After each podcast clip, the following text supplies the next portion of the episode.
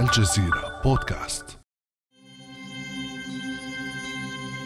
لم يتضمن اتفاق السلام الثلاثي بين أذربيجان وأرمينيا وروسيا آلية تسوية دائمة للنزاع المزمن في إقليم كرباخ لكن ستة أسابيع من المعارك غير المسبوقة جلبت لأذربيجان المدعومة من تركيا ما فشلت في تحقيقه خلال مفاوضات العقود الثلاثة الماضية ومكنتها من تحرير أجزاء هامة من أراضيها المحتلة. ومن مقتضى هذا الاتفاق تنشر روسيا للمرة الأولى قواتها لحفظ السلام في الأراضي الأذربيجانية. كما تستفيد تركيا من ممر بري جديد إلى بحر قزوين لم يكن متاحا منذ عقود فضلا عن تأكيد مشاركتها في مراقبة تطبيق وقف إطلاق النار. في الأثناء يستمر الجدل في الداخل الأرميني الرافض لما اعتبره الرئيس الأذربيجاني إلهام علييف وثيقة استسلام وانتصارا تاريخيا. لقد أظهر شعب أذربيجان مدى عظمته شعب لا يقهر نحن فخورون بشعبنا وبجيشنا المنتصر يسعدني أن واقع هذه الوثيقة التاريخية وأنا سعيد لأننا نعود إلى وطننا وطننا كرباخ إلى شوشة وسنعيش في هذه الأراضي إلى الأبد فما هي آفاق الاتفاق الثلاثي؟ وما هي آليات تنفيذه؟ وهل يضمن الوجود الروسي على الأرض الالتزام به؟ وما هي انعكاسات هذا الاتفاق على موازين القوى في منطقة جنوب القوقاز؟ بعد أمس من الجزيرة بودكاست أنا خديجة بن جنة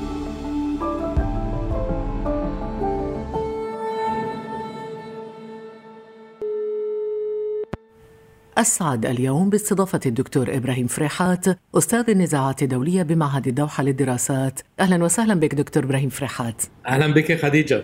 دكتور إبراهيم نعود معك في هذه الحلقة إلى ملف النزاع الأذربيجاني الأرميني وبعيدا عن حسابات الربح والخسارة لو تشرح لنا في البداية ما الذي غيره الاتفاق الثلاثي بين روسيا وأذربيجان وأرمينيا على الأرض؟ في الحقيقة الاتفاق هو يعني مكن أذربيجان من استعادة أجزاء كبيرة من الأراضي التي كانت تحتلها أرمينيا.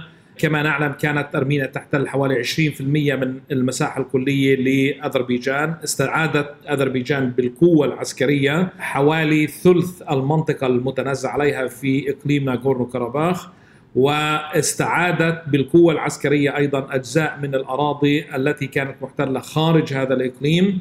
وبالاتفاق وقعت أرمينيا على الانسحاب من بقية الأراضي التي كانت تحتلها خارج إقليم ناغورنو كاراباخ. بشكل إجمالي نحن نتحدث عن أن أذربيجان استعادت حوالي 15% من المساحة المتنازع عليها بما فيها إقليم ناغورنو كاراباخ وخارجه وبقيت هناك حوالي مساحة 5% أو 6% هي انسحبت أيضا منها أرمينيا ولكن أصبح هناك وجود قوات عسكرية روسية في هذه المنطقة بشكل قوات حفظ سلام بمعنى أن هناك انسحاب أرميني بنسبة 100% من الأراضي التي كان متنازع عليها لكن دكتور طيلة ستة أسابيع من المعارك اتخذت روسيا موقف الحياد فيما دعمت تركيا علنا أذربيجان برأيك ما هو دور أنقرة في هذا الاتفاق؟ هناك حسب قراءتي ربما يكون قد حدث الكثير بين تركيا وروسيا قبل بداية هذه الحرب.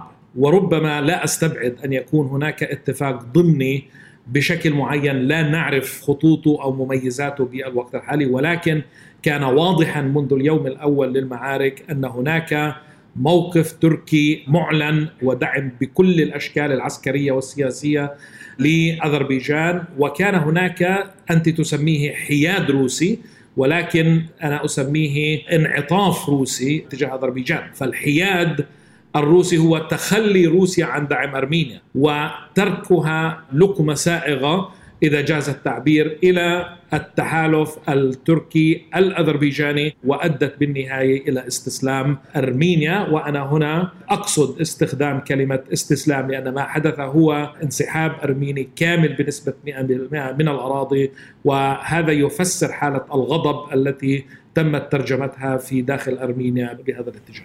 طب كيف تفسر دكتور أنت ما أسميته قبل قليل بالانعطاف الروسية؟ هذا التحول الروسي لصالح الموقف التركي والذي يحقق الآن علاقة جيدة بين روسيا وتركيا.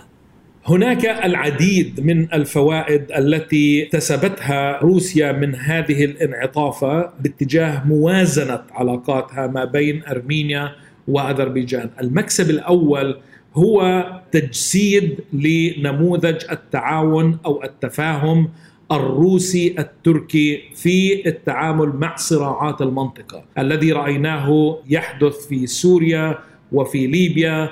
والآن هذا النموذج التقاسم الأدوار ما بين روسيا وتركيا في مناطق النزاع وهذا خديجة يكون على حساب النفوذ الغربي في المنطقة. فهذا النموذج الروسي التركي يهمش الدور الغربي المتمثل بالولايات المتحدة وفرنسا وأوروبا فروسيا تستطيع توصل إلى هذا الاتفاق بمعزل كامل عن الدور الغربي ومجموعة المنسك في هذا الاتفاق وتحقق هذه السيطرة في المنطقة. من جهة أخرى أيضا خديجة بأنها أوجدت قوات عسكرية روسية نفوذ عسكري روسي في داخل الإقليم. ولهذا السبب سمحت روسيا لأذربيجان أن تستعيد ما تشاء من الأراضي ولكن ليست بالكامل. والكلمة الفصل تبقى في موسكو بهذه الحالة.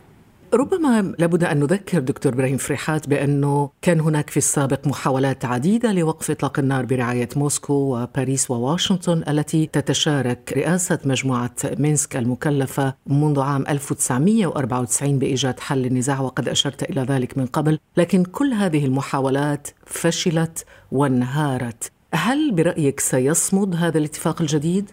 باعتقادي هناك فرصة كبيرة جدا بهذا الاتفاق أن يصمد لأن أرمينيا بدون الحماية الروسية هي في موقف ضعف لا يسمح لها بإحداث تغيرات جوهرية في هذا الموضوع. بالمناسبة أنا أتفهم حالة الغضب الأرميني الشعبي ضد رئيس الوزراء باشنيان ولكن قد يكون هذا أكثر قرار حكيم اتخذه لتوقيع هذا الاتفاق وإنقاذ جيشه وأثبت بوتين نظريته التي أراد أن يوصل الرسالة بها إلى قادة أرمينيا الذين أبدوا تعاطف مع الغرب منذ الثورة المخملية في أرمينيا عام 2018 وبدأ بوتين يشك بولائهم لروسيا وأن هناك ولائهم للغرب. أثبت رسالته بأن الغرب لن يستطيع أن يقدم لكم شيء بدون روسيا وهذا ما أثبته بهذه الحرب بهذا الموضوع. نعم ولكن ربما حماية هذا الاتفاق دكتور يقع العبء الأكبر فيه على روسيا. كيف يضمن نشر قوات حفظ السلام الروسية الالتزام بهذا الاتفاق؟ يعني هذا الاتفاق خديجة هو لم ينهي الصراع، هو يؤسس إلى أرضية جديدة لتفاعلات جديدة في المنطقة هناك. وروسيا بوجودها بهذه القوة في إقليم ناغورنو كاراباخ لأنه وجودها الآن القوات العسكرية في هذا الإقليم وهي موجودة أيضا فيما يسمى بممر لاشين الذي يضمن التواصل الديموغرافي السكاني من أرمينيا إلى ناغورنو كاراباخ ويضمن أيضا التواصل ما بين أذربيجان و الجيب الأذري في داخل الأراضي الأرمينية نخف الشيان.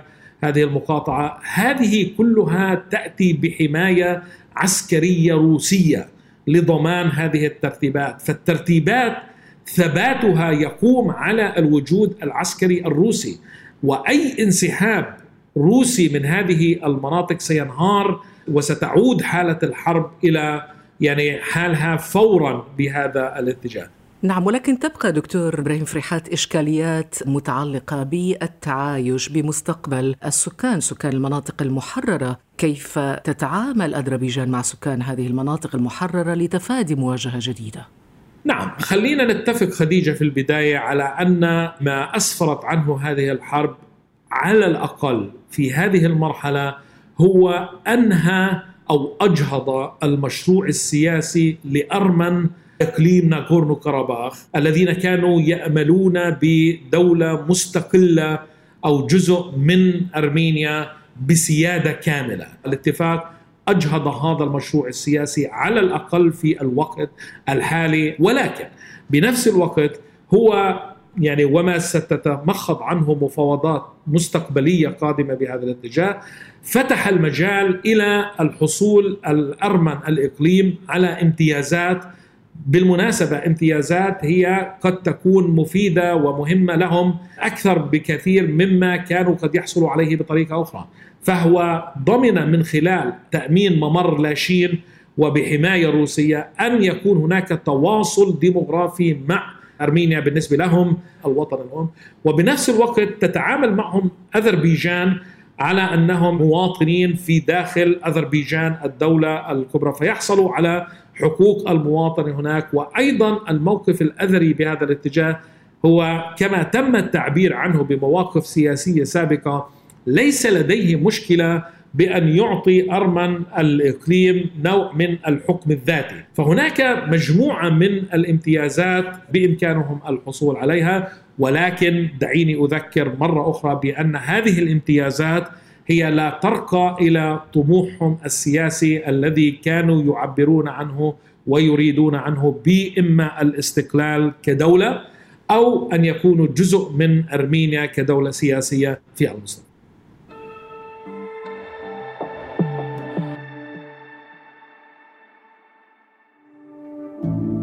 خطوة بسيطة وسهلة ليصلك البودكاست في الصباح الباكر كل يوم ابحث فقط عن بعد أمس في تطبيقك الصوتي وفعل زر الاشتراك لتصلك الحلقات يومياً.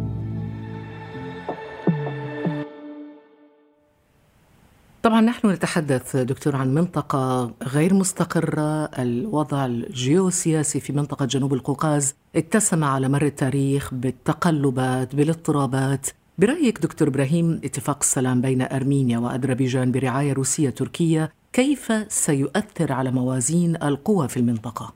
سؤال مهم جدا خديجة وخلينا اللي هو نتعامل معاه بالطريقة التالية. هناك خارطة جيوسياسية جديدة تم صياغتها في القوقاز بهذا الاتفاق الذي تم التوصل إليه خصوصا إذا صمد ومرة أخرى احتماليات صموده حسب قراءتي في الوقت الحالي هي كبيرة. هذه الخارطة السياسية يعني هناك أنتجت أطراف رابحة على المستوى المنطقة وهذه الأطراف هي روسيا وتركيا وأذربيجان وهناك أطراف خسرت من هذا الاتفاق ومنها أرمينيا وأيضا خديجة إيران. بالنسبة إلى روسيا هي كسبت الوجود العسكري في منطقة ناغورنو كاراباخ واحد. اثنين أنها ليس فقط همشت ألغت أو استبدلت الدور الغربي الذي كانت تتقاسمه مع الولايات المتحدة وفرنسا في مجموعة المنسك الوسيط في موضوع الإقليم أن يكون هناك دور روسي بالكامل. بالنسبة إلى تركيا وإلى أذربيجان، أذربيجان بالإضافة إلى استعادة أراضيها المحتلة حصلت على تواصل جغرافي مع الجيب ناخفتشيان الذي تحيط به أرمينيا وتمنع تواصله الجغرافي مع أذربيجان وأصبح هناك ممر آمن بحماية روسية تستطيع التواصل. وهذا يعني خديجة بما أن هذا الجيب هو يتشارك بالحدود جغرافية مع تركيا مساحتها 8 كيلومتر يعني أنه أصبح هناك تواصل جغرافي ما بين أذربيجان وتركيا من خلال منطقة ناخفتشيان وهذا مكسب استراتيجي كبير بالنسبة إلى أذربيجان. لم تكن تحلم به قبل الحرب فهو خارج إطار إقليم ناغورنو كاراباخ وبإمكانها أن تتواصل مع تركيا ومع أوروبا بهذه الحالة من خلال هذا المنفذ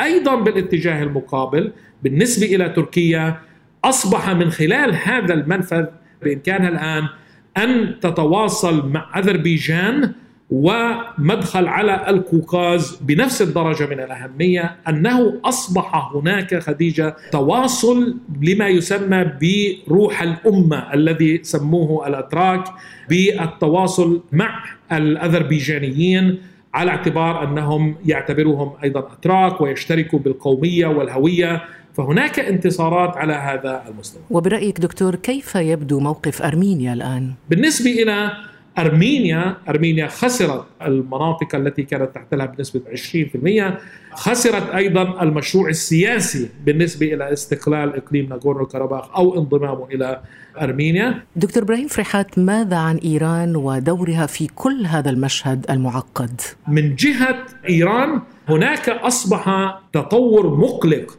بالنسبة إلى إيران من التواصل القومي دعيني أسميه ما بين أذربيجان وتركيا بالنسبة إلى الأذريين في إيران وعددهم كبير جدا طبعا هناك 20 إلى 25 مليون أذري في داخل الأراضي الإيرانية ورغم أن الموقف الرسمي لإيران هو بالتعاطف مع أرمينيا بهذه المعركة. طب ألا يبدو غريبا تعاطف إيران مع أرمينيا في ظل وجود أكثر من 20 مليون إيراني من أصول أذربيجانية؟ بالحقيقة هذا واحد من الأسباب لهذا التعاطف لأنها أرادت أن توازن يعني علاقاتها وتفتح هذا العلاقة مع أرمينيا حتى لا يحدث هناك تحول ضمن هذه الإثنية الكبيرة الأذريين الأتراك في أرمينيا.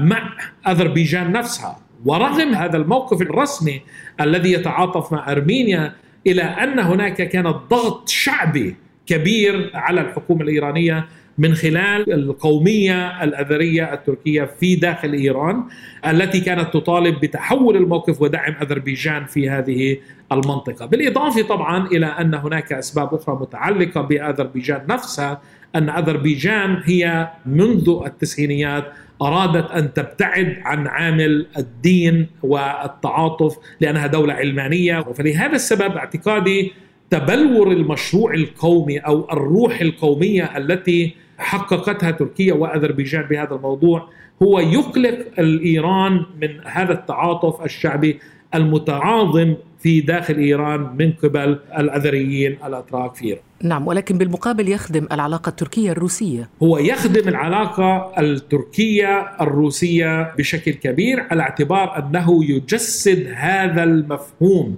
أو هذا النموذج التي تمت ولادته منذ الاستانة وعلى حساب اللي هو التفاهم أو التعاون الروسي التركي على حساب الوجود الغربي في المنطقة هذا النموذج تم ولادته حتى قبل الاستانة بدأ يتبلور هذا النموذج إذا عدنا إلى التاريخ منذ أزمة إسقاط الطائرة العسكرية الروسية التي قامت بها تركيا أثناء الحرب في سوريا. عندما اكتشفت تركيا أنها ارتكبت خطأ كبيرا بإسقاط الطائرة العسكرية الروسية ومقتل طياريها وبدأت تحاول استعادة العلاقة مع روسيا. وفعلا بطريقة براغماتية لجأت القيادة التركية إلى قلب المعادلة وتحويل الأزمة التي دخلت فيها إلى نموذج تعاون أو تفاهم روسي تركي يأتي أكله بالمناطق النزاع التي نراها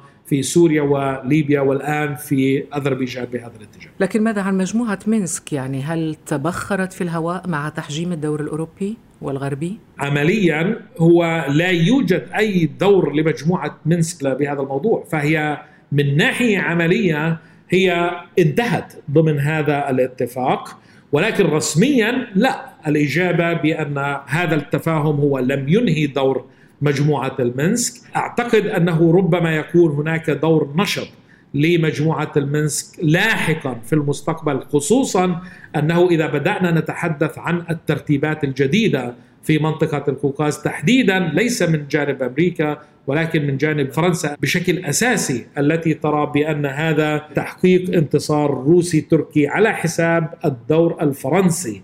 فكما ذكرنا سابقا خديجة هذا الاتفاق هو لا يحل الصراع ولكن يدخل في ترتيبات جديدة. فعمليا يعني تهدئة تسكين؟ يعني هو مهم باعتقادي كما تم التعبير عنه هو يخلق آفاق جديدة للعمل والتعاون في منطقة القوقاز من أجل التفاوض على حل نهائي على ترتيبات نهائية وليس هذا فحسب باعتقادي خديجة هناك فرصة لتعاون اقتصادي في المنطقة ما بين الأطراف جميعها يعني ما بين أرمينيا وروسيا وأذربيجان وتركيا. إذا تم استغلاله هذا الاتفاق بشكل جيد إذا وجد الاتفاق السياسي على موضوع ناغورنو كاراباخ هناك نفط أذربيجاني هو الأفضل له أن يمر من خلال الأراضي الأرمينية من ناحية اقتصادية ومن ناحية تكلفة. وهذا يعود بفائدة اقتصادية وتنموية على أرمينيا بهذا الاتجاه.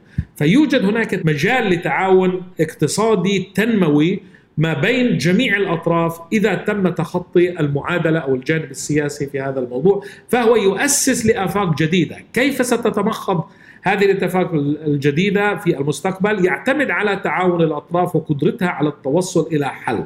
من الممكن هذا وارد جدا حتى لا نفرط بالتفاؤل من الوارد جدا أن تنهار الاتفاق والترتيبات لاحقا خصوصا إذا رأينا بأن هناك دور أمريكي فرنسي نشط لأنه تم تهميشهم بهذه المعادلة، هذا ما زال بعيدا في الوقت الحالي وأيضا وجود فرنسا.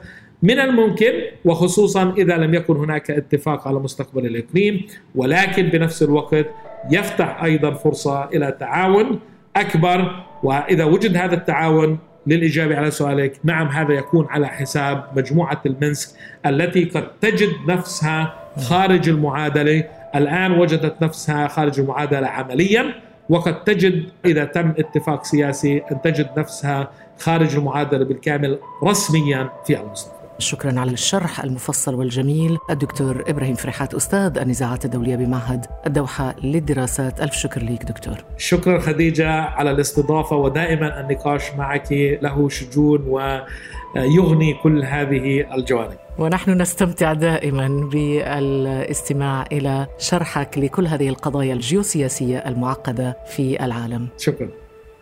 يمكنكم الاستماع للمزيد من الحلقات الشيقة من الجزيرة بودكاست عبر مختلف تطبيقات بودكاست. كان هذا بعد أمس.